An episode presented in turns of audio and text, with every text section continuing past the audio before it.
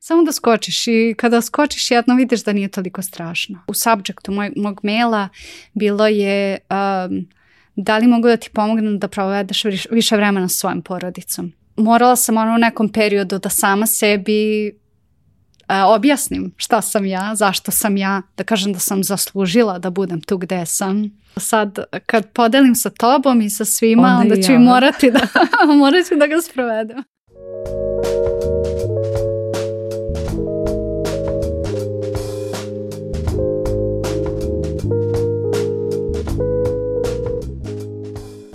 Vi možda ne znate za nju, ali za mene ona je superstar iz Senke. Sociološkinja Marija Gavrilo vodi produkciju i poslovanje jednog od najuticajnijih samostalnih digitalnih medija današnjice, Exponential View, koji nam tumači kako to tehnologija utiče na društvo i gde ide u budućnost. Pre toga, introvertna Kikinđanka je bila projektna menadžerka u Startitu i bila je proglašena za najuticajniju osobu srpske startup scene. Ovo jeste priča malo više o budućnosti, ali u duhu slogana Grand Cafe Hajde da imamo vremena, Marija me je kroz ovaj razgovor podsjetila koliko je važno da osluškujemo svoje maštarije iz detinjstva i koje sve odgovore one mogu da nam daju. Marija, zdravo, dobrodošla. E, ove, ovaj, neću sad da kažem odakle si došla, mislim zato što je to, to vrlo ove, ovaj, promenljiv pojam kada si ti u pitanju. Ove, ovaj, sad si došla iz Novog Sada, to je samo trenutno. Da, tako je, hvala ti puno. E, ko si u suštini ti? Uh, e, to si. Toliko teško Jel tako pitanje. kažu drugi ljudi? to, mi znala sam šta ćeš pitati, pokušala sam da razmišljam i identifikovala sam tri dela mene koji me najviše definišu u smislu šta ljudi mogu da očekuju od mene, kako se ponašam, šta sam uradila u poslednje tipa tri godine kada sam malo već odrasla ušla po prvi put e, u svoju 30 u prošle godine i tako te neke najbitnije momente razmišljala sam šta me definiše. Tri dela mene. Jedan, um, preduzimljiva sam preduzetnica u srži uh, i to mi je, nikada nisam znala da se to tako zove, ali od malena sam razmišljala, ja kako ovo da uradim, kako, kako ovo da ostvarim. Imala sam raznorazne ideje, stvari koje ja kreiram, pokrećem i valjda u tom nekom duhu socijalizma u kom smo svi nekako odrasli u pozadini, uh, nisam nikada identifikovala sebe kao preduzetnicu dok nisam otišla u Ameriku u, u srž kapitalizma i tamo shvatila, ali ovo sam ja. Uh, tako da to sam. Uh, druga, drugi bitan deo mene je da sam empata. Uh, vrlo lako shvatam ljude, pred, ne da pretpostavljam šta oni osjećaju, već osjećam sa njima. I um, to me, to me neka čini dosta hladnom i e, onako ograđenom osobom jer analiziram previše i pokušam da shvatam šta se dešava u drugoj osobi, ali sa druge strane um, tako nekako procesuiram sve to oko sebe. I to je dobro i loše kako god, kako god se, e, mi se strefi i koja je situacija. I treći deo mene je da sam, što mislim da svi imamo, ali definitivno je vrlo glasan deo mene je anksioznost, a, i neka nesigurnost. E sad, što sam, što sam starija, što više odrastam, rad, radim na sebi, to više uh, shvatam kako da pričam s tim delom sebe mm i kako da ga koristim tako da on meni koristi, da me ne, ne sputava. Mm -hmm. e, I moj je nekako bio utisak, mada iako je postojalo milion tačaka na kojima nas dve trebalo da se upoznamo. Da. Je, ukrštali su nam se ovaj, putevi i ljudi koji poznam i krugovi kojima se krećemo, ali nikako da se do sada nismo ovaj, upoznale. Ali i moj je nekako utisak isto bio da si neko uh, distancirana osoba da. i, i hladna. Ovaj, mhm. verovatno, mm -hmm. verovatno to nisi čula uopšte uh, prvi put, ali i, i, i, ova, i ova fusnota sada, ja u, u stvari u tom procesu razmišljam. Aha. Nije kao da nisam zainteresovana da. za ono što ti govoriš ili radiš, nego u to, to je proces razmišljanja je mi vrlo značajna a, sada bila u ovome. A, drugo pitanje koje isto postavljam uvijek na početku a, svojim gostima je um, šta je tebi značajno i bez čega ne možeš da zamisliš jedan tvoj dan? Um, internet, laptop, a, jer mi je tu ceo svet nekako moj posao, ljudi sa kojima sam najbliža, koje koji, ko, sa kojima komuniciram svakodnevno, na osnovu kojih sebe definišem definišem uspeh dana. Um, ali i e, van tehnoloških ono, oblika uh, tih nekih stvari koje su mi potrebne, definitivno moja porodica, um, to da znam da su dobro, da su ok, neki rituali u koje sam poslednjih godinu, dve uvela sebi kako bih ono, čekinovala sa samom sobom, da vidim gde sam, kako se osjećam, šta mogu da uradim za to da budem što, što bolja u tom danu. Um, I to mi je nekako postao... Uh, ima fizička vežba s kojom smo svi vrlo dobro upoznati da nam je potrebna i da nas održava zdravima i to svakako praktikujem jako dugo i potrebna mi jer me sve boli ako ne vežbam, ali sam sve, sve više uvodim mentalne vežbe i to da se ja mentalno dobro osjećam i da imam svakodnevno mentalnu teretanu hoćeš li da podeliš sa nama, recimo, ono, da li vežbaš uh, mm -hmm. jogu, tai chi, nešto ekstremnije, neki kickboks ili da. šta god? Pa da, sa, sa mojim lifestyle-om, načinom života, joga je definitivno najpokretljiviji oblik vežbe koji, koji praktikujem redovno jer mogu da radim gde god da sam. Um, tako da imam, imam uh, e, praktikujem... Imaš neki YouTube kanal nekoga posebno instruktora koga pratiš ili to freestyle? Um, pa uh, e, poslednje godinu dana, to je dve godine od kad je pandemija počela, uh, koristim aplikaciju koja se zove Glow, GLO i uh, uplati se, ne znam, tipa 18 evra mesečno, imaš pristup gomili vežbi, meditacijama, razgovorima. Tako da to, to mi je sada centar moje yoga prakse. Mhm. I tu možeš da, da odabereš recimo koliko dugo želiš e, vežbu, na šta da se fokusira, da li je jutro, da li je veče. Tako da sebi mhm. tako nekako izgradim šta mi je potrebno. Um, to je što se, što se fizičke prakse tiče i gledam da svakog dana um, pokrijem tri 3 M-a, 3 M. Uh mhm. -huh. uh, na engleskom je to movement, mindset i mindfulness. A, znači movement pokret neki kada ustaneš, da li šetnja, da li je trčanje, joga, bilo šta što ti prija. Mindset um, da te stavi u, u, u način razmišljanja tako da možeš da učiš, da budeš otvorena za, za feedback, da budeš otvorena za, za napredovanje, šta god te, to tebi toga dana znači. Meni je to ponekad da slušam neki podcast od kog ću naučiti nešto, da nešto pročitam bilo šta gde ću, e, gde ću prosto pokupiti nešto, neku novu instancu koja je meni intelektualno bitna i čini me da se osjećam kao da sam nešto postigla već i Da proširi tvoj da, kapacitet. Da, da, da proširi kapacitet, horizonte i slično. I mindfulness to je, um, to je zapravo, to je najabstraktnije jer uh, ne postižeš rezultate brzo, ali recimo meni je bitno da sedim bar pet minuta u tišini, u meditaciji nekoj ili da uh, ima, da, da, da čitam neke uh, stvari koje mi, me prosto stavljaju na dobro mesto što se tiče mentalnog zdravlja, da se osjećam da sam ok, da, da čekinujem i sa tom anksioznošću, da vidim ok, šta, su mi današnje misli, zašto se tako osjećam, na šta treba da se pripremim i slično. I to mi je nekako ono, pola sata, sat vremena to me stavio u ok tempo da počnem dan. E kako ti objašnjavaš, počela si sada, da, mm -hmm. i kako ti objašnjavaš, e, pogotovo imajući idu, da, a to smo već nekako i na početku rekli, da, da si ti građanka sveta, ako možemo tako ovaj, Zapadnog kažem. kažemo. Sveta, da. nisam na istoku još uvek bila. ovaj, ali kako objašnjavaš kad dođeš recimo u rodnu Kikindu ili mm -hmm. slično, kako objašnjaš ljudima čime se baviš? A, jer sad lakše malo. Pa lakše je, e, rekla bih, jer sam tipa pre godinu dana preuzela funkciju, mislim da se to kod nas prevodi direktor firme, neko ko vodi poslove, vodi firmu.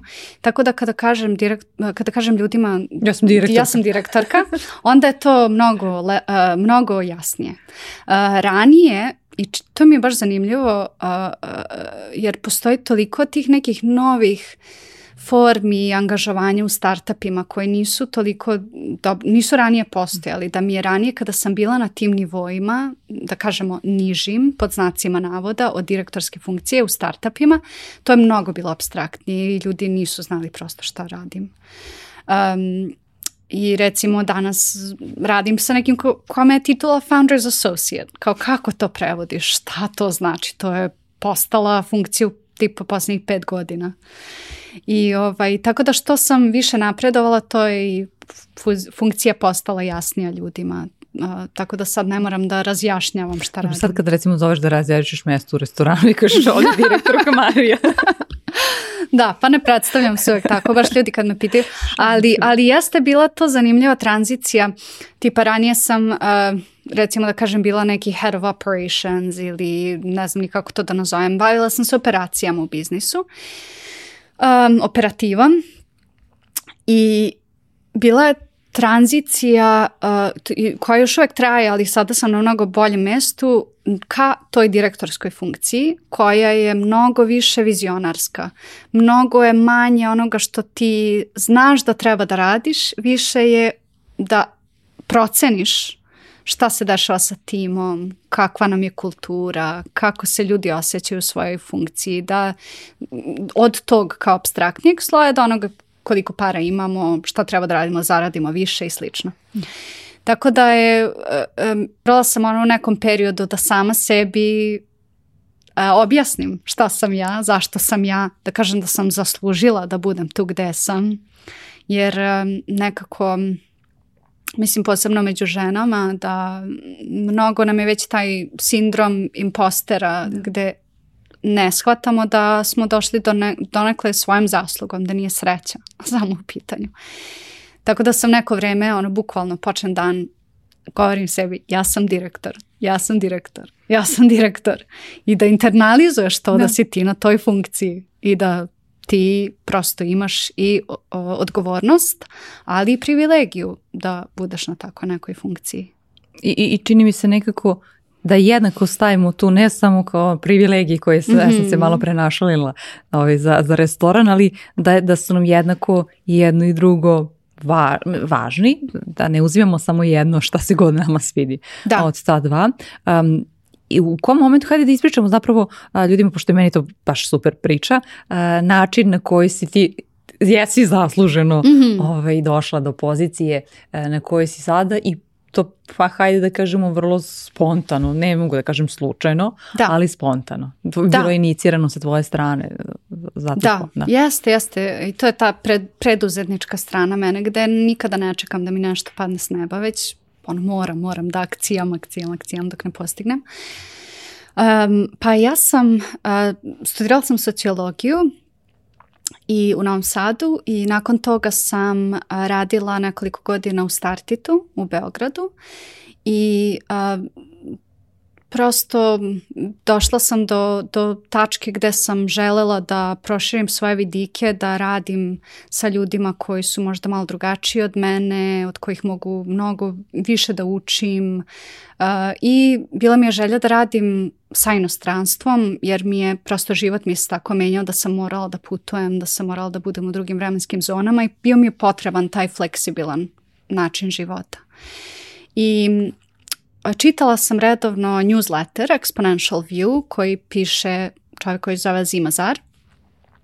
Um, on je uh, počeo newsletter sa tom nekom idejom da stvari se jako, tehnologija se jako brzo menja uh, i o, način na koji mi koristimo tu tehnologiju menja ekonomiju, politiku, naš način života, u toj prazini i u tom tempu da mi ne shvatamo šta se tačno dešava, ali živimo kroz to. I on je počeo tome da piše newsletter koji se meni mnogo dopadao, mnogo toga sam učila. Uh, I u svakom newsletteru, da ne mogu reći u svakom, ali često, dovoljno da sam primetila, žalio se kako uh, nije stigao da završi newsletter jer je morao nešto sa decom svojom da radi, da je morao da bude sa porodicom ja sam tu shvatila da on zapravo sve to sam radi i napisala sam mu mail i rekla u subjectu moj, mog maila bilo je um, da li mogu da ti pomognem da provedeš više vremena s svojom porodicom. I posle par dana mi on odgovorio na taj mail i rekao kao, e, super ti izgleda CV, hajde da probamo nešto zajedno da radimo, kao da treba mi pomoć, javila se. On nije se... Formal, formalno imao u tom trenutku otvorenu poziciju? Ne, ne, nije. Radio sa par volontera koji su tu nešto malo pomagali, ali ne dovoljno. Niko nije radio stru, stvarno strukturirano sa njim da mu zapravo pomogne. Tako da sam se ja tu pojavila nijotkuda, uh, potpuno ono random devojka iz, uh, iz Srbije, um, on je bio dovoljno otvoren da mi da tu priliku i da počnemo nešto malo da radimo zajedno. U, toj, u, toj, u tom trenutku bio je samo newsletter i podcast koji je objavljivao vrlo neredovno, jer naravno kao što, što i sama znaš, toliko treba da se uloži u podcast, e, vremena, truda, razmišljanja svega, emocija, svega, svega. Tako da je to bilo vrlo oskudno, onako, potpuno, e, kako da kažem, ma, malo neko preduzeće. A u tom trenutku zapravo nije ni, nije ni zarađivao od newslettera. Da, to sam htjela da da. Nije, nije, nije uopšte bio taj komercijalni aspekt. I onda smo, kako sam počela da radim sa njim, naravno počeš da pomažeš na različite nivoe, njemu se otvori ono, e, kako ja preuzimam više operative, njemu se otvori više mogućnosti da razmišlja, da piše, da radi bolje.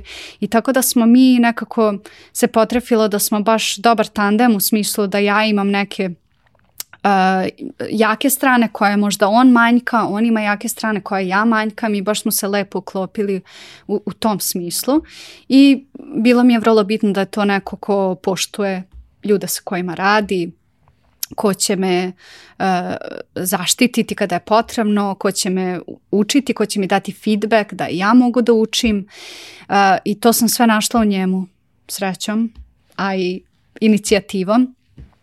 Tako da eto, 6-7 e, godina radimo zajedno već i sve to nekako preraslo u nešto mnogo više, mnogo veći biznis. Komercijalisovali smo nekoliko aspekata biznisa, newsletter, podcast, otvorili neke nove e, puteve, horizonte da se biznis razvija u dugom, dugim, na duge staze. Um, tako da je sve to nekako jako lepo ispalo.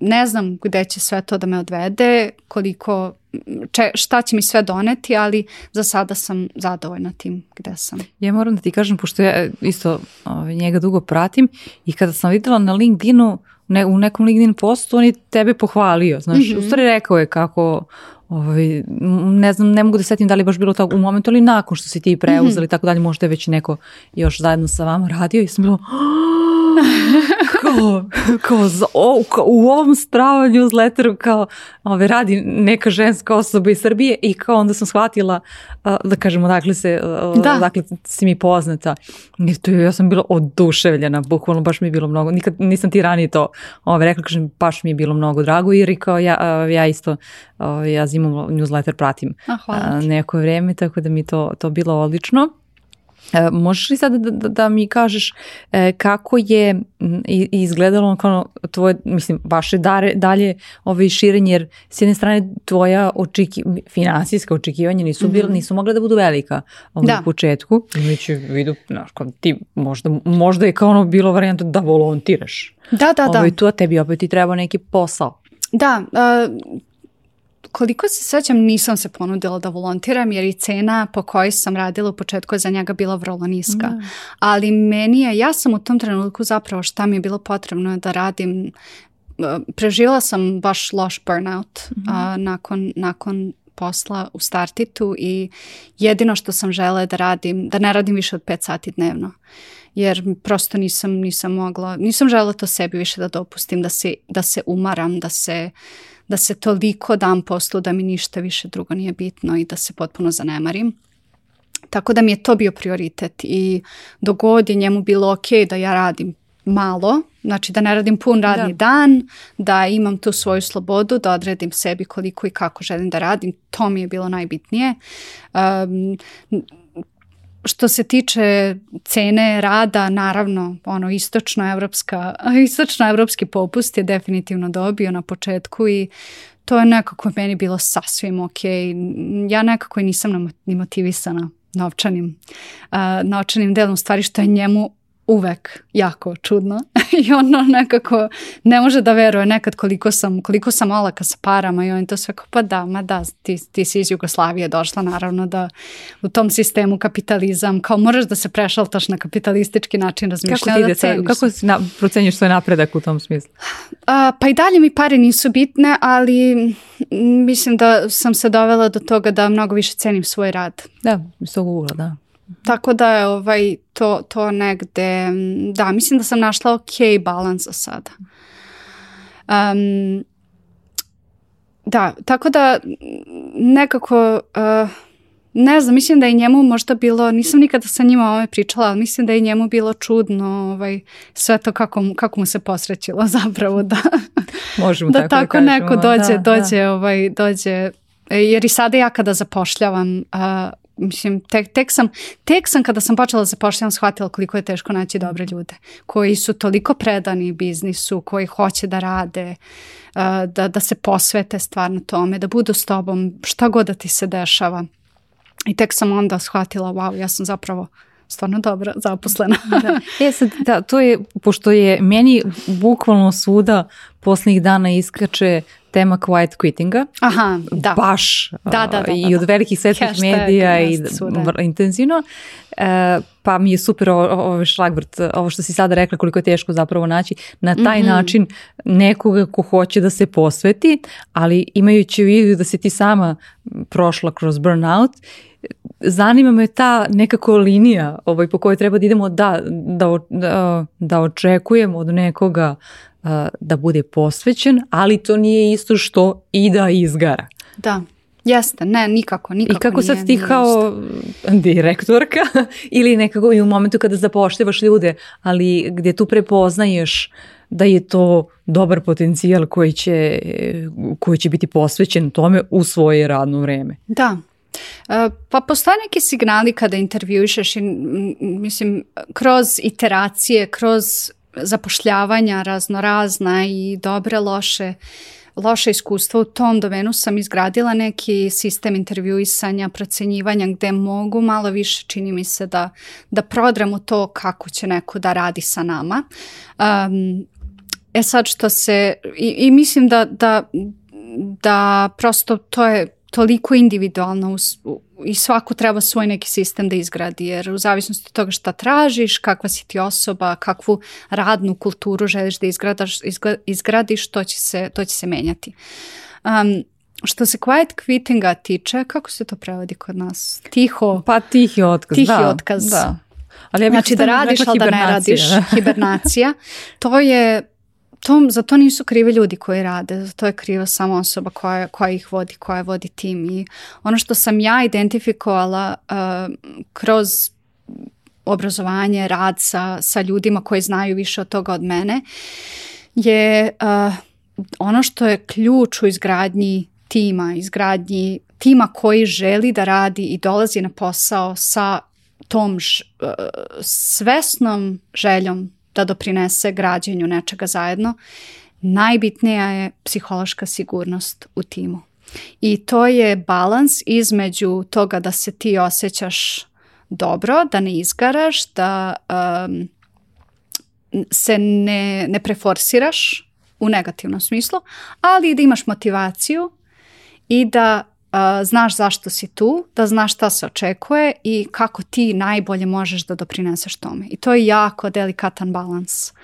Um, ono što ja sam identifikovala da mi je recimo u sredinama gde sam se najlošije osjećala i gde je bila visoka doza burnouta je to da te ljudi ne poštuju. Ljudi za koje radiš ne poštuju te, ne slušaju te, možda ako te slušaju ne čuju te, uh, ne postoji ta, taj, ta doza poverenja da ti daju odgovornost i da, te, da očekuju od tebe da je ispuniš uz njihovu um, neko vođstvo, ne toliko mikro, mikromanagement. Da.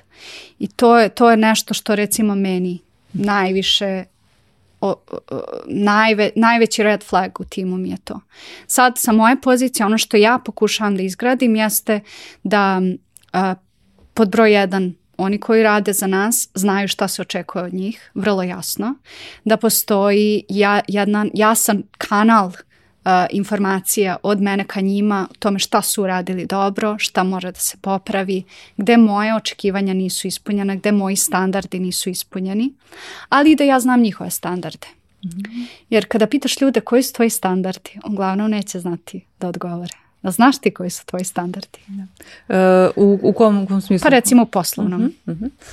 Uh, pa imam neke, neku listu koja, koja postoji, mm -hmm. kao ispod čega ne bih išla mm -hmm. u, mhm. u bilo kakvom, ono, u kvalitativnom ili kvantitativnom smislu. Da, većina ljudi kada ih pitaš koji, je tvoj, koji su tvoji standardi neće znati da odgovore to i Ovaj, meni Kako su tvoje to očekivanja da uradiš taj posao, hajde tako da kažemo. Da, da, da, da. Šta, šta, šta ti što, smatraš to, što je Dobro okay, si da? rekla, da. ispod čega nećeš mm -hmm ići. Znači, moj standard je ono da se pojaviš na vreme na sastanak koji smo govorili. Ako ne, reci mi zašto nisi tu i čiji jedan od. Da. Ja to volim da kažem kao ono, da, da uskladimo naše očekivanja od da. nečega. Da, postoji još jedan jako lep termin, uh, shared clarity, da. deljeno da. razumevanje. Znači, ako meni reč pas znači jedno, da li tebi reč pa znači isto što da. i meni ili nešto potpuno drugačije, mi se zapravo ne razumemo kada pričamo. Tako je, da i to je vrlo bitno. E sad, uh, ono, ono što ti, ti jesi bila uh, ovaj, tu kada je rastao i to ti možda pomogao kada je rastao Exponential U mm -hmm. kao, kao medij, ako da. tako možemo da ga nazovemo. E, međutim, e, kolika je kod tebe bila promena ti na intuitivnom nivou osjećaš šta to treba da radiš, mm -hmm. ali drugo je kada to postaje, ono, kada, kada, kada uđe u mišiće, odnosno to, da to ti zaista treba da radiš praktično po uh, automatizmu i sa u nekom trenutku sve većim brojem uh, ljudi. Jeste. Um, I to, se, to je nešto što se uči. Šta, šta si, mm. čime si ti pribegla, hajde da kažemo kao ovaj, u, da, da, da učiš, da. Ovaj, kako si učila? Da, to da, je... da, da kažem da učila da vodiš ljude. Da, ne, ne, eh, baš si pogodila srž eh, problema i najtežeg dela posla kada, eh, kada kada pređeš sa te neke operativne uloge na ulogu, da kažemo, vođe, neko ko vodi tim, ko treba da oblikuje tu kompaniju, um, jer um, to imaš intuiciju, posebno ako znaš biznis, kao što sam ja tada znala, um, imaš I intuiciju. Da. inteligenciju da. s druge strane, da. Da, da, ali intuiciju znaš da nešto treba da se promeni, ali kako da to sada, ka, treba nešto se uradi, znaš osjećaš taj biznis kao da si ti, kao da je osoba, ali kako sada da rezonuješ tako da možeš da iskomuniciraš drugima pa i sebi šta je to što treba da se, da se uradi. Uh, radila sam još uvek radim, sada završavamo taj neki šestomesečni coaching zapravo sa fenomenalnom ženom koja se zove Joanna Hose. Uh, ona je bila operativac i uh, posle izgaranja na poslu i ona je pribegla coachingu i tome da pomaže drugim ljudima da postanu bolji u svom poslu. I uh, sa njom radim eto već šest meseci i ona mi je zapravo što kroz razgovor, što kroz pomoć, e, što kroz pitanja tako da ti preokrenaš svoju perspektivu, da se pitaš dobre stvari. Pored toga dala mi je i neke um, matrice recimo da ja postavim problem sa kojim se suočavam tako da mogu da ga uh, uh, slomim u više manjih delova. Mm -hmm. Jer ako ti se susretneš sa problemom i kažeš uh, mi nemamo dovoljno budžeta da zaposlimo ljude koji su nam potrebni, to je ogroman problem. Ali hajde da krenemo od malih, manjih stvari. Šta je tu zapravo bitno? To je jedna stvar. A druga stvar je ta emotivna, um, emotivna, kako bih to nazvala, emotivni nivo toga kada ti uđeš u ulogu vođe. Da li si dovoljno zrelost da neku poziciju, hajde da, da kažem. imam Emotivno jako negativnu da. asocijaciju kada kažem Možemo reč vođa, Dobro. lider. um, pa bilo koje, mislim i ti isto kao preduzetnica, kao neko ko je pokrenuo svoj projekat i mora to, tu viziju da iznese, emotivna, emotivna linija rezonovanja je jako bitna i tu, je, tu mi je zapravo ona najviše pomogla, recimo um, susretneš se sa tom imposter sindrom, susretneš se sa nesigurnostima, susretneš se sa mnogim nekim zamkama koje naš um postavlja sam sebi. Recimo da čitaš drugima misli i misliš da oni nešto o tebi misle kada oni to uopšte ne misle.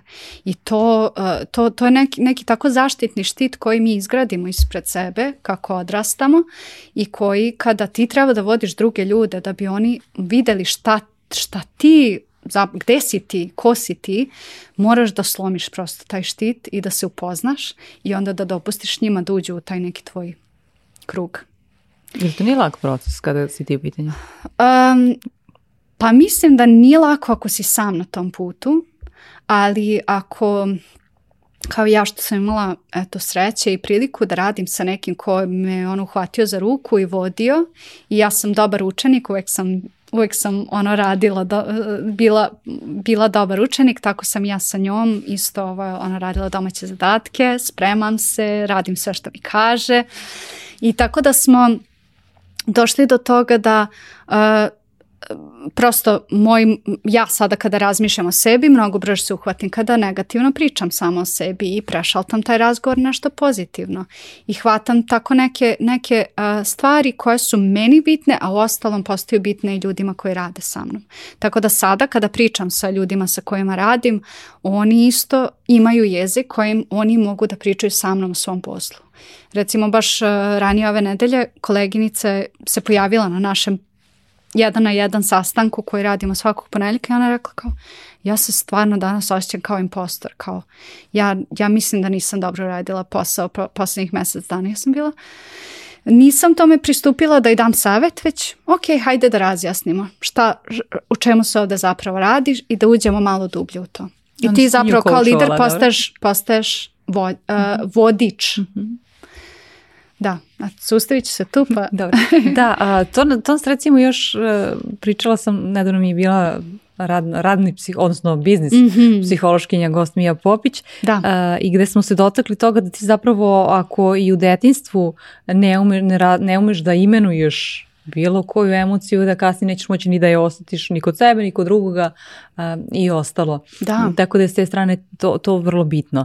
E, ono što je još u, u čitavoj toj priči E, a blisko je sada sve većem broju ljudi od kada je počela pandemija, od kada je počela pandemija, pa sad kao bitno iz tvog iskustva je kako ti sada vodiš tim koji je pa praktično raštrkan. Mm -hmm. Ove, ovaj, svakom su gde opet treba da, da održite taj kontakt. E, većina ljudi i dalje misli kao ne samo ako sedimo u istoj prostori ili tako dalje može da se e, stvori odnos e, poverenja e, i slično, a veze na, na daljinu, da. Pa čak ni poslovne, da. nisu kako valja. Da, pa eto ja radim a, na daljinu već 6-7 godina i ja sam prvi puta zima upoznala recimo posle dve godine nakon zajedničkog rada. I um, ne mogu reći da je lako, ali mislim da je ono što, što što te natera da uradiš jeste da to, da mnogo jasnije komuniciraš. Jer ubrzo shvatiš da ljudi, da, da je taj jezik tela vrlo bitan i mi ga uzimamo a, za, a, ne cenimo ga dok ga, dok ga ne izgubimo, kao što smo ga izgubili tokom pandemije. I onda moraš da prosto mnogo, uh, mnogo direktnije otvaraš određene teme za razgovor i da direktno pitaš kako se osjećaš, čemu je problem, uh, mnogo, mnogo, mnogo direktnije da prosto zadireš i u neke teže teme. I tako da postati postati mnogo opuš, opušteniji sa tim, da se toga ne plašiš, da, da budeš direktan sa ljudima je ono što je, ja mislim, bitno u tom hibridnom načinu rada. Um, sa druge strane, vrlo se radujem da budem bliža timu, um, jer mi nedostaje uh, stvarno mi nedostaje taj, taj, to da možemo čak i samo da ćutimo, sedimo za svom, svojim laptopom, ali za istim stolom i da možemo da odemo na, na ručak zajedno, da popričamo o nebitnim stvarima. To mislim da je mnogo, mnogo je, mnogo je bitno za, za, za odnose. Jer mi smo društvena vrsta prosto, ne, ne možemo da, da egzistiramo van društvenih odnosa. I ono što smo, čega smo isto postali svesni tokom pandemije, koliko je dodir bitan. Neki ljudi su izuzetno osetljivi na dodir, pa čak samo to da i uhvatiš za ruku kada im nešto teže ide, da, da osete da si da. tu za njih.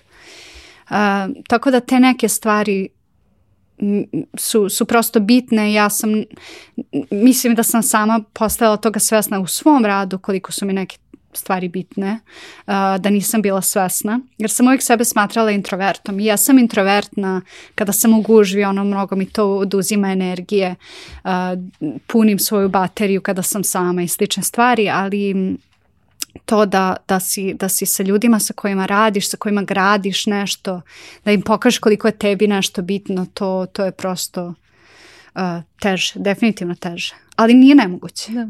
Da. Zato me je zanimalo tvoje iskustvo kako ti uspevaš nekako da nadomestiš sve to i iako uspevaš. Ono što je isto vrlo e, lepo i bitno iz e, ove tvoje poslane priče koje smo do sada ispričale je da ti je Azim istovremeno i mentor, ali i da te, to je meni posebno drago, ohrabruje da imaš širinu. Mm -hmm.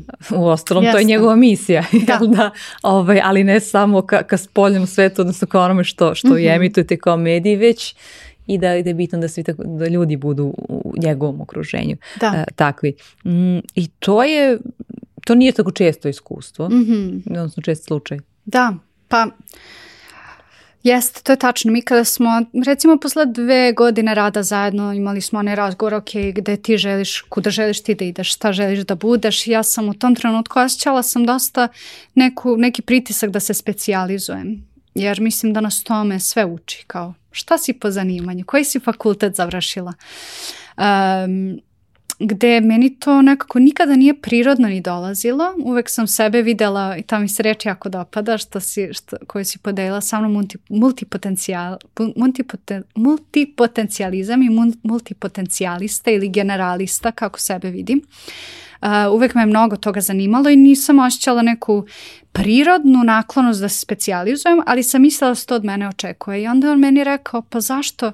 Kao ja mislim da bi ti, da si ti zapravo jako jak generalista i sve što ti doneseš u svom radu uh, prosto nije lako. Ne, nije lako iskombinovati sve što ti možeš da iskombinuješ i da razumeš u, u poslovnom okruženju. Tako da on mene ohrabrio da dopustim sebi da budem u tom nekom uh, generalnom spektru oko, o, o, o, e, profesionalnom, da se, da se ne specijalizujem prosto i da dopustim sebi da se izgradim kao neko ko razume i hoće da razume, hoće da radi na više aspekata biznisa i to mi je dalo jako lepu širinu od toga da znam kako da editujem podcast ako treba, ali znam eto sada i kako da vodim tim. Znači baš e, Eh, gde god da, gde god da, koja god prilika da mi se ukaže, nekako ću naći za sebe, za sebe tu neko svoje mesto.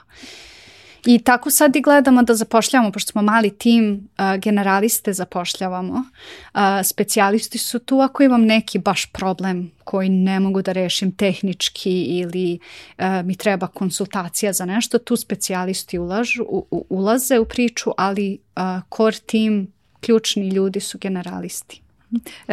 Kako, ako sada uzmemo samo i teme kojima se bavi Exponential U, kako ti uspevaš e, na tom nivou i uspevala si da e, da dopreš do svih tih da ispratiš sve to, a s druge strane da ne budiš preplavljena time, mm -hmm. jer to je isto tanka linija onako da, da nekada uh, ne, ne doživljavamo sve toliko da ne prolazi ono baš sve kroz nas, da, uh, da, ono, bud, da kao bukvalno da ne budemo preplavljeni svim informacijama, ali da opet to bude dovoljno da, da ti budeš informisana i da imaš tu širu sliku kako bi dalje ovaj, uh, pustila u etar. Da, pa ne mogu reći da sam to baš potpuno postigla. Uh, Definitivno me i dalje neke stvari preplavljuju ili mm, kada, po, kada uzmem ono da, da, da pregledam šta se sve dešava po, po različitim feedovima, da li društvene mreže, da li newsletter i ima mnogo toga da se, da se, da se pročita, da se nauči, da se shvati. Ali mm, mm dobra i loša strana toga je da ne dopuštam sebi da previše, da previše se, se upuštam i pokušavam da čitam ako, kada, kada ne, ako već kada uzmem vreme za čitanje, da, da čitam duže tekstove, eseje, promatranja koje idu više u dubinu nego u širinu. I to može biti iz koje god oblasti, da li, da li veštačka inteligencija ili demokratija, ekonomija, šta god, ali nekako čitam sa, um, sa namerom. Um, Naravno, danas je mnogo lako biti preplavljen, preplavljen informacijama i e, više nego informacijama, emocijama nekim i mhm. signalima kako treba da se osjećamo. E, I tu su svi ti neki naslovi koji, koji nas nadražuju na vrlo, vrlo ne, ne, neproduktivne načine. Um, Postoji točak emocije koji, uh, ja kad sam bila na treningu za trenere medijske pismenosti, kad smo se već dotakli toga, mm -hmm. ali da, postoji točak emocija mm -hmm. gde ti svaki put kada te nekako, uh, kada nekako emotivno reaguješ na, na nekakav sadržaj, e, treba da, dobro je da, da detektiš stvari, šta je to mhm. probudilo kod tebe i onda onako nekako malo te odbrojiš do 3, 4, e, da. 5. Da. A e, kako pronalaziš dobre izvore? Ja sam videla skoro si ti na, na LinkedInu podela kao, e, ovo su tri newslettera e, o blockchainu i, e, o, ovaj, u Africi. Kao, mm -hmm. Da, a, pa koristimo... A, ima, raz, ima razno raznih tih, Jer izvora je da. mnogo, da. ali jeste, jeste. dobrih izvora je baš malo. Pa um, ovako, na nekoliko načina. Jedan, uh, pratim šta ljudi koju, kojima verujem a, šta oni čitaju. I onda od njih nekako kradem izvore. I sve to storujem, a, arhiviram, beležim u sistemu pro, proizvod koji zove Feedly. Ima mm -hmm. sličnih, ali oni zapravo kupe šta se dešava na RSS feedovima i daju ti ono pregled pregled sadržaja. Tako da sam tu sebi izgradila ono po kategorijama ko šta piše i tu pratim.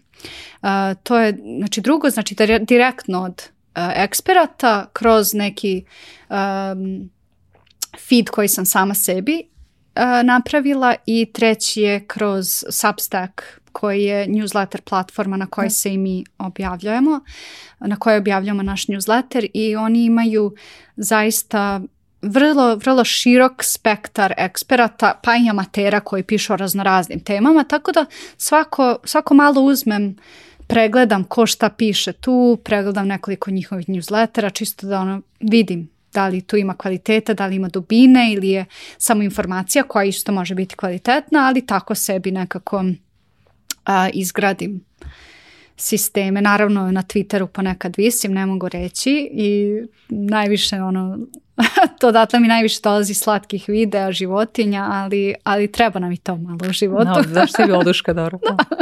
Da. E, kako, si, e, kako sada sa druge strane, e, ovdje kao kako pronalaziš informacije, mm-hmm. ali kako učiš? U smislu, rekla si kao je, ja mogu da sednem da, da editujem video podcast, imam tu veštinu, o, ja video da. podcast, ove, ovaj, imam tu veštinu, ali s druge strane, potrebna mi neka veština da, da vodim tim. I svi mi nam, nam vrlo, imamo paterne zapravo u učenju, osvajanju novih znanja. Šta je, šta je tvoj? Da, pa praksa. Kako ti Aha. Praksa. Um, da, najbolje učim kroz, kroz sam, samu praksu. Um, I recimo za podcast uh, kada, sam, kada, smo, kada smo tek počinjali zajedno da radimo na podcastu, nekada nisam bila zadovoljna krajnjim proizvodom koji nam je editor predao i onda sam bih bukvalno uzela u svoje ruke i pravila 5-6 sati pokušavajući da uradim nešto što je verovatno nekome treba sat vremena, ali naučila sam. Mm -hmm. Tako da sam mogla da uskočim i recimo kada, kada je neka hića. Uh, što se, isto, isto što se menadžovanje ljudi tiče, znači samo praksa, samo da imaš hrabrosti da se upustiš u to i da ako imaš vremena, ako proceniš da je to bitno, prosto da... da... Kako si vežbala tu, tu hrabrost? E, pa mislim da mi je to zapravo ta, ta preduzimljivost, da mi to dolazi sa hrabrošću nekako, samo da skočiš. samo da skočiš i kada skočiš jedno vidiš da nije toliko strašno. Ali ako razmišljaš o tome previše, onda je prestrašno i sve stoš daje i ale koje će nas koje će nas ovaj pojesti u mraku. Ali ovako, ne znam, nekako, ne znam ni od koga sam nasledila to. Mama, tata možda znaju, ali negde mi baš instinktualno dolazi to. Mhm. Čak sam imala i blog uh, tipa 6-7 godina koji nije, nije, nije procvetao, ali zvao se Braver i bio je mhm. baš posvećen preduzetnicima jer mi je to uvek toliko duševljavalo kada ti imaš hrabrosti da započneš nešto. Kao od nula ljudi koji te prate da izgradiš nešto što, što je vredno. Ti si čak jedne godine, to nismo, da nismo spomenuli, odmah smo se ubacili u ovu priču, ali ti si čak uh, jedne godine, to ti je možda bila dobra preporuka, ili reći ćeš mi da li je za zima bila dobra preporuka, mm -hmm. uh, bila proglašena za uh, najuticajniju ženu, odnosno osobu starti scene Srbije, je li tako? Da, to je ovaj, bilo baš onako Uh, da, zani, zanimljiv definitivno period. Um, I dalje ne znam da li sam zaslužila to ili nisam, ali sigurno sam u tom, u tom jer, jer imam, no, znaš, i sama imam mnogo talentovnih ljudi koji tu grade firme, pišu, rade sve i svašta, ovaj, ali u tom trenutku mi je mnogo značilo da kao neki... Mm, da, neka potvrda da moj trud je negde viđen i da ljudi znaju da sam tu, da prate moj rad. Jel ste imala um, imposter sindrom? Da, apsolutno, apsolutno, ali mislim da sam u tom periodu sam zapravo mnogo sam ulagala u to što pišem i baš mi se čini oko tog vremena kada sam dobila tu nagradu sam pisala o nekim težim temama, um, recimo um, bile su neke tu, tu dešavanja oko tehnološkog fakulteta u Novom Sadu i kako oni ovaj, utiču na preduzetničku scenu i kako i ne pomažu. Više ni sama ne mogu da setim, ali bile su neke teže teme koje, koji sam se baš mnogo trudila i bila sam mnogo srećna kako je sve to išlo i u tom trenutku je stigla i nagrada, tako da mi je to nekako dalo još vetar u leđa da malo više verujem u sebe, ali da, impostor sindrom je uvek tu. e, ti si, ti si ovaj, u tom, uh, odnosno i pre toga, zapravo i to je možda nešto veština koja te ovaj, oblikovala, ali pisala si još za vreme uh, srednje škole, odnosno mm -hmm. gimnazije, uh, a imala si uh, tako, tako mlada ovaj, svoju TV emisiju. Jeste, da. da. Da. Što te opet um, naučila nekako da, da komuniciraš na prvom mestu. Da. Jeste. Um, uh, još jedna zanimljiva podpriča ispod svega toga. Ja sam uvijek sebe videla kao novinarku. Odra kada sam odrastala, to je bilo to, ja sam novinarka, ja ću da istražujem, da pišem. Uh, zanimljiva stvar oko toga je da je to, da recimo tokom školovanja uh, dobila sam raznorazne nagrade za pesme, za pisanje. Uh, ono što mnogi ljudi ne znaju da mi je većinu pesama pisala mama ali je ona mene kroz proces toga vrlo neetičkog ponašanja koje ne preporučujem nikome i koje bih možda i sama danas ovaj, osuđivala. Ona me naučila da pišem i da se nekako izražavam. Ona mnogo lepo piše i neke pesme koje je pisala u moje ime o Jugoslaviji rasplakale su ljude kada bih ih ja pročitala. Um, moja prva profesija koju, s kojom, kojom sam se bavila kada sam imala možda pet godina je gluma. Bila sam glumica u lokalnom teatru u Kikindi i tako mi je scena postala vrlo bliska. E, to neko proživljavanje treme mi je postalo vrlo blisko i onda kada sam sa tom nekom, nekim glumačkim nastupom i, i, izašla da čitam te pesmice o kojim, kojima smo mama i ja dobile nagradu, za koje smo dobile nagradu, uh, ovaj, nekako je to dotaklo ljude. I pokazalo mi je pokazalo mi koliko ljudi vrednuju pisanu reč i onda sam ja sama utonula nekako u tu ideju da pišem i da budem neko ko prenosi reči ljudima. Um, nisam, na, da, tako da nekako sam sebe tako videla dok sam odrastala i um, nisam nužno sebe videla profesionalno kad sam došla već do fakulteta nisam sebe videla više toliko kao novinarku ili spisateljicu, ali mi je pisana reč i dalje vrlo bitna. Kada, kada mi je nešto na umu, kada imam neku emociju, tako je najbolje izražavam. Ali zapravo i kada, kada te, da kažem, uče da pišeš a, upravo to kao, ha, na koga se ugledaš, a ti mm -hmm. si mhm. recimo se u tom periodu, ili kao mama ti je bila da. ovaj, reper, čak i uzmi i prepisuj taj tekst koji je ta osoba napisala da bi osetio tu, ako, ako pričamo o literarnoj, uh, o literarnom pisanju, da bi osetio stil, kako je ta osoba, uh, kakvu emociju ima, imala je kroz to i tako dalje, tako da je mnogo bliskije. Ja sam što. u srednjoj školi... Tako da, stvari, ta vežba je bila Da. Tako mhm. je. I u srednjoj školi sam pisala kratke priče recimo i uh, objavila sam jednu ili dve u, u, u ovaj, knjigama kratkih priči, u, u zbirkama kratkih priči, priča. Um, tako da nekako, eto, baš, baš zanimljiva vežba koja ponovo ne znam da li bih ohrabrivala nekome da, da pita mamu da im piše sastave, ali meni je značilo. Nadam se da mi neće sad ukrasti moje nagradnice. da vrati kao da posle 20 godina to... Da, je. da, da, da, da, dođe, do, jasno, da, neće desiti. A, a kako, je, kako je bilo to iskustvo Eh, imajući, kao, imala si i svoju TV emisiju mm -hmm. i mhm. sad čitavo to iskustvo rada na tome što nije mali posao za jednu devojku koja je u tom trenutku ide i redovno u školu. Da, Um, da, nije bilo lako. Uh, ta TV emisija je u Kikindi na lokalnoj televiziji uh, započela je grupa mladih ljudi. Mislim da je petoro, šestoro njih radilo na tome jer mogu da se, mogu da uh, da se menjaju ko će da snima, ko će da edituje, ko će da, montaži, da, da montira i slično. I onda sam ja upala tu sa još jednom grupicom druga generacija kada su ovi stariji otišli na fakultete. A, to je bilo tokom srednje škole i nekako na kraju smo ostali samo ja i montažer.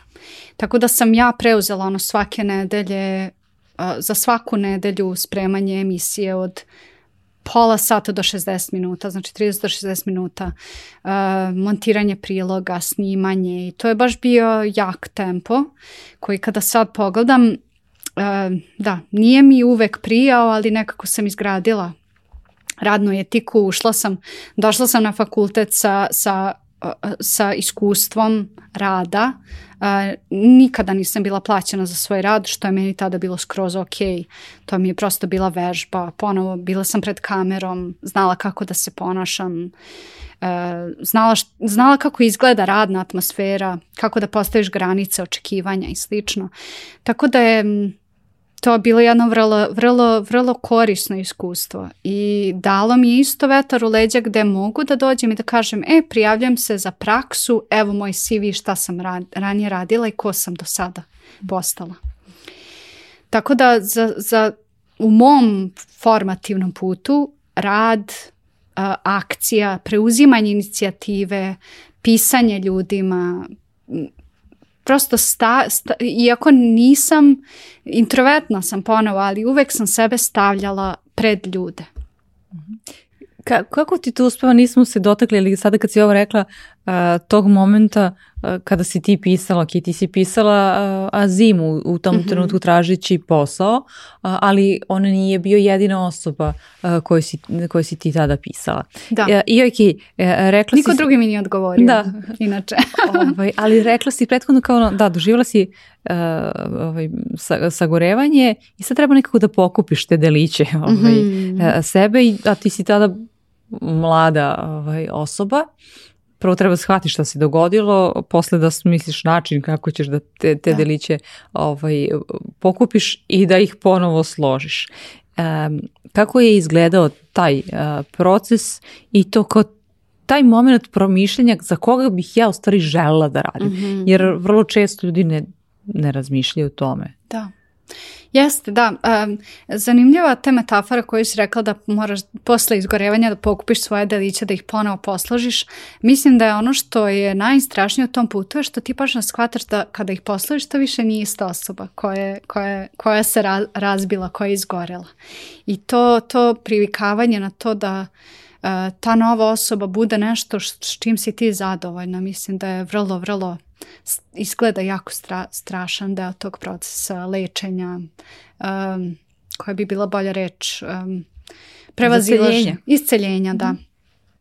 Um, da, to je bilo, ja sam bila vrlo emotivno vezana za, za posao, za startit, za, za misiju ko, na kojoj smo mi bili. To je meni prosto bilo, vrlo sam se identifikovala sa svim tim i u tom trenutku mislim da sam dala najbolje što sam mogla i znala. Uh, I tako da je sa samim tim Uh, odlukom da napustim i da počnem nešto drugo da radim, uh, deo mene se nekako, nisam znala šta da radim sa njim. Ko sam ja bez ovog posla? Ko sam ja bez ove organizacije? Tako da mi je, uh, rekla sam sebi, ok, šta je meni bitno zapravo? Bitno mi je da radim na nečemu što ima neki značaj, što može da nešto prom, nekome promeni način razmišljanja. Znači da nešto na čemu radim bude smisleno. To mi je jako bilo bitno. Druga stvar koja mi je bitna je ta atmosfera, sa kim radim, kako radimo. I to sam negde, sa, ti, sa te dve stvari sam počela da pišem listu organizacija za koje bih ja žela da radim. Uh, sad više ne mogu da setim ko je bio broj 1, 2, 3, ali Azim je bio, mislim da je bio broj 2, nije bio čak ni broj 1. Prijavila sam se na razno razne tu pozicije koje su odgovarale tim nekim mojim očekivanjima i on mi se jedini javio. I sad ne mogu reći da mi se još neko javio kako bih se ja ponašala, da li bih odabrala njih ili ne, ali sve u svemu tu sam gde sam što se, što se um, tog sklapanja delića tiče, um, mnogo mi je bilo bitno da ponovo da radim sa nekim ko zna kako da mi postavlja prava pitanja, kako da radi sa mnom, tako da sam pribegla terapiji i to mi nije bio prvi put da idem na terapiju, da, da, da, da prosto prolazim kroz taj proces. Dok sam bila na fakultetu, vide, osjetila sam nekako da negde stagniram. Nisam znala u čemu, ali osjećala sam se kao da ne idem napred i tada sam prvi put, možda prva, druga godina fakulteta, išla na terapiju i to mi je bilo potpuno neverovatno iskustvo. Mm -hmm. I u Novom Sadu čak i ima, uh, ne znam da li postoji u Beogradu, ali ima savjetovališta za mlade gde studenti da, mogu postoji, besplatno da, da Tako da je to stvarno fenomenalno, fenomenalna institucija. Uh, elem, pribegla sam terapiji i posle, posle tog napuštanja posla jer to je, to je za nekoga ko je vezan za posao to je jako velika promena da ti, da ti napustiš jedan posao, da kažeš sebi, da izgovoriš to, da, da se upustiš i ponovo to da se pustiš sa litica na neki način, metaforično naravno, da padneš u nešto novo. Tako da mi je terapija tu mnogo pomogla da, da, da budem ok s tim ko sam ja van posla. I to je proces koji, koji traje. Da li te sada, uh, kada, je, kada sagledaš sa neke vremenske distance, mada smo donekle i spomenuli to prethodno, ali da li sada ipak više se toliko ne identifikuješ uh, sa, sa poslom? Po, I kao da, kao pos, postoji i postojeći neka druga Marija bez obzira ono, koliko god da volela da. O, taj, tu firmu i taj kolektiv sa kojim radim. Um, pa mislim da više dopuštam sebi da se pitam ko sam ja van posla. Ne mogu reći da se ne identifikujem sa njim, posebno kada rasteš uz posao, kada provodiš te neke stvarno bitne godine razvoja, odrastanja u određenom okruženju sa ljudima. Uh, vrlo mi dalje to emotivan proces, prosto nekako saživiš se sa tim i sa to neko može manje ili više, ne, manje više meri da, da radi, ali recimo meni je baš to saživljavanje ono što me motiviše da radim i da se, da se dam poslu u, u pozit, na pozitivan način da dam sve od sebe. Mhm, mhm. Ako se ne saživim, vrlo lako ću, ću nekako da, uh, da zabatalim. I, I to mi je recimo najlakše sa ličnim projektima, ne znam da li se ti s ovim uh, poistovećaš, ali recimo neke stvari koje, uh, uh, na kojima radim možda i sama, to mi je najteže da održim. Um, ali možda mi je baš to, eto, uh, bi trebalo da bude ono sa čim se saživim. No, stvari su takve kakve su, da, saživljavam se i dalje dosta sa poslom, ali mislim da, da dopuštam sebi da kreiram tu distancu, da vidim distancu, da vidim, ok, šta bi se desilo sad da ja napustim ovo, pa ništa, ne bi, ne bi, ni, svet bi bio isti kao što je ranije bio, ništa veliko se ne bi desilo. I, i da li bi ti bila isto, to je prilično bitno. Isto, da, pa, da, pa da, ili kao Jest. promenila bi se, ali i to je okej. Okay, da. I to je okej, okay, mm -hmm. da, naravno. E, super, e, kada si spomenula već e, i meni je baš jako drago da, da spominješ uh, lični projekat na, na kome radiš, jer je uh, ima i drago mi što si nekako ti ta osoba, jer uh, znam da imaš kapacitet da na pravi način ga izneseš, pa hoćeš da ispričaš. oh, hvala ti puno. Eto sad kad podelim sa tobom i sa svima, onda, onda i ću i morati da, morati da ga sprovedem. nema, nema nazad. Um, pa par godina aktivno nekako učim o klimatskim promenama, o a, e, klimatskim tehnologijama, o, o čitavom, čitavoj industriji a, e, tehnološko, ali i društveno, društvenih angaž, angažovanja koji mogu da nam pomognu da se malo da, da na mnogo, da na proaktivniji način zapravo se uh, suočimo sa problemom klimatskih promjena uh, kroz uh, pod jedan adaptaciju, jer mnoge stvari ne možemo da promenimo, kasno je, morat ćemo da suočimo sa mnogo većim temperaturama, poplavama, požarima, nestašicama.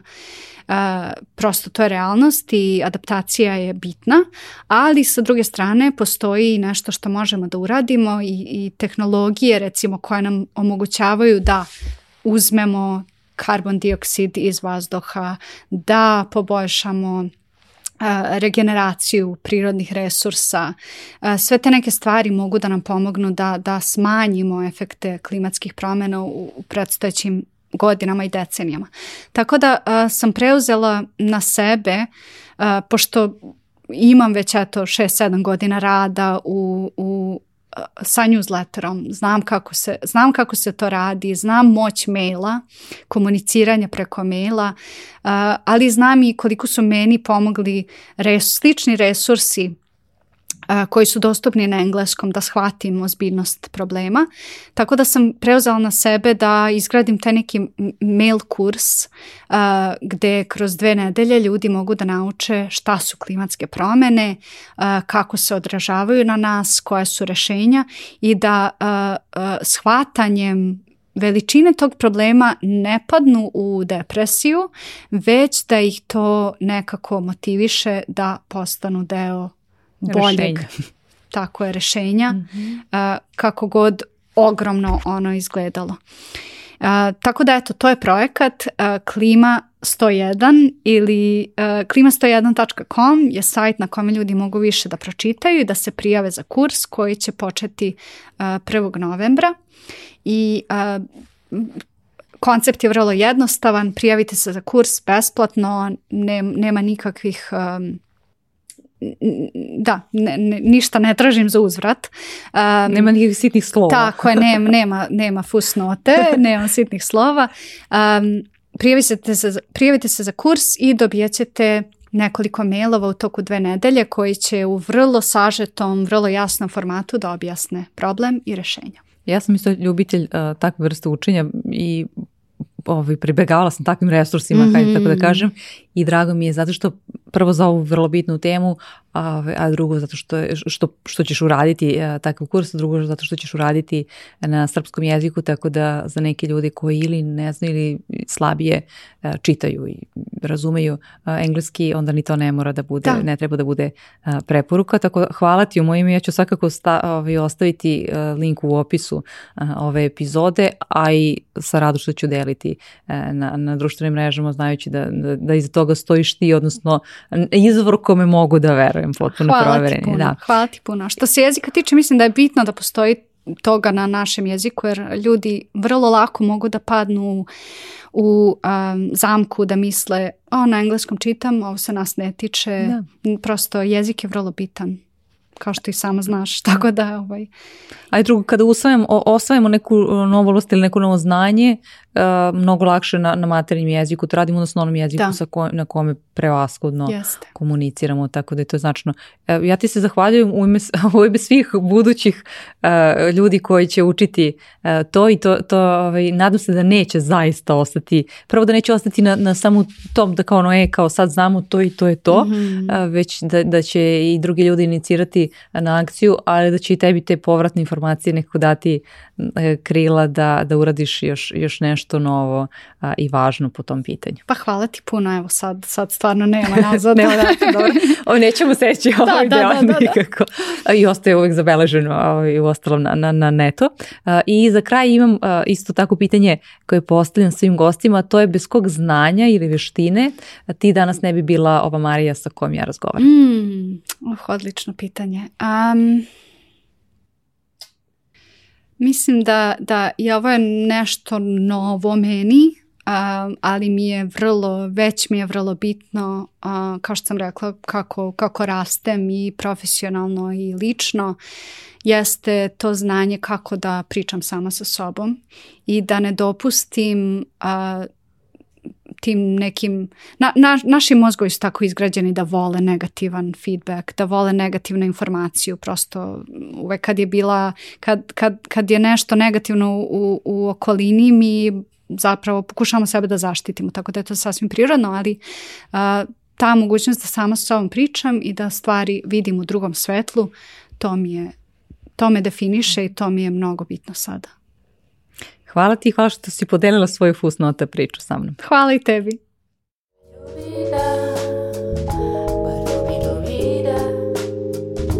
Pa pa da, pa da, da, da, da,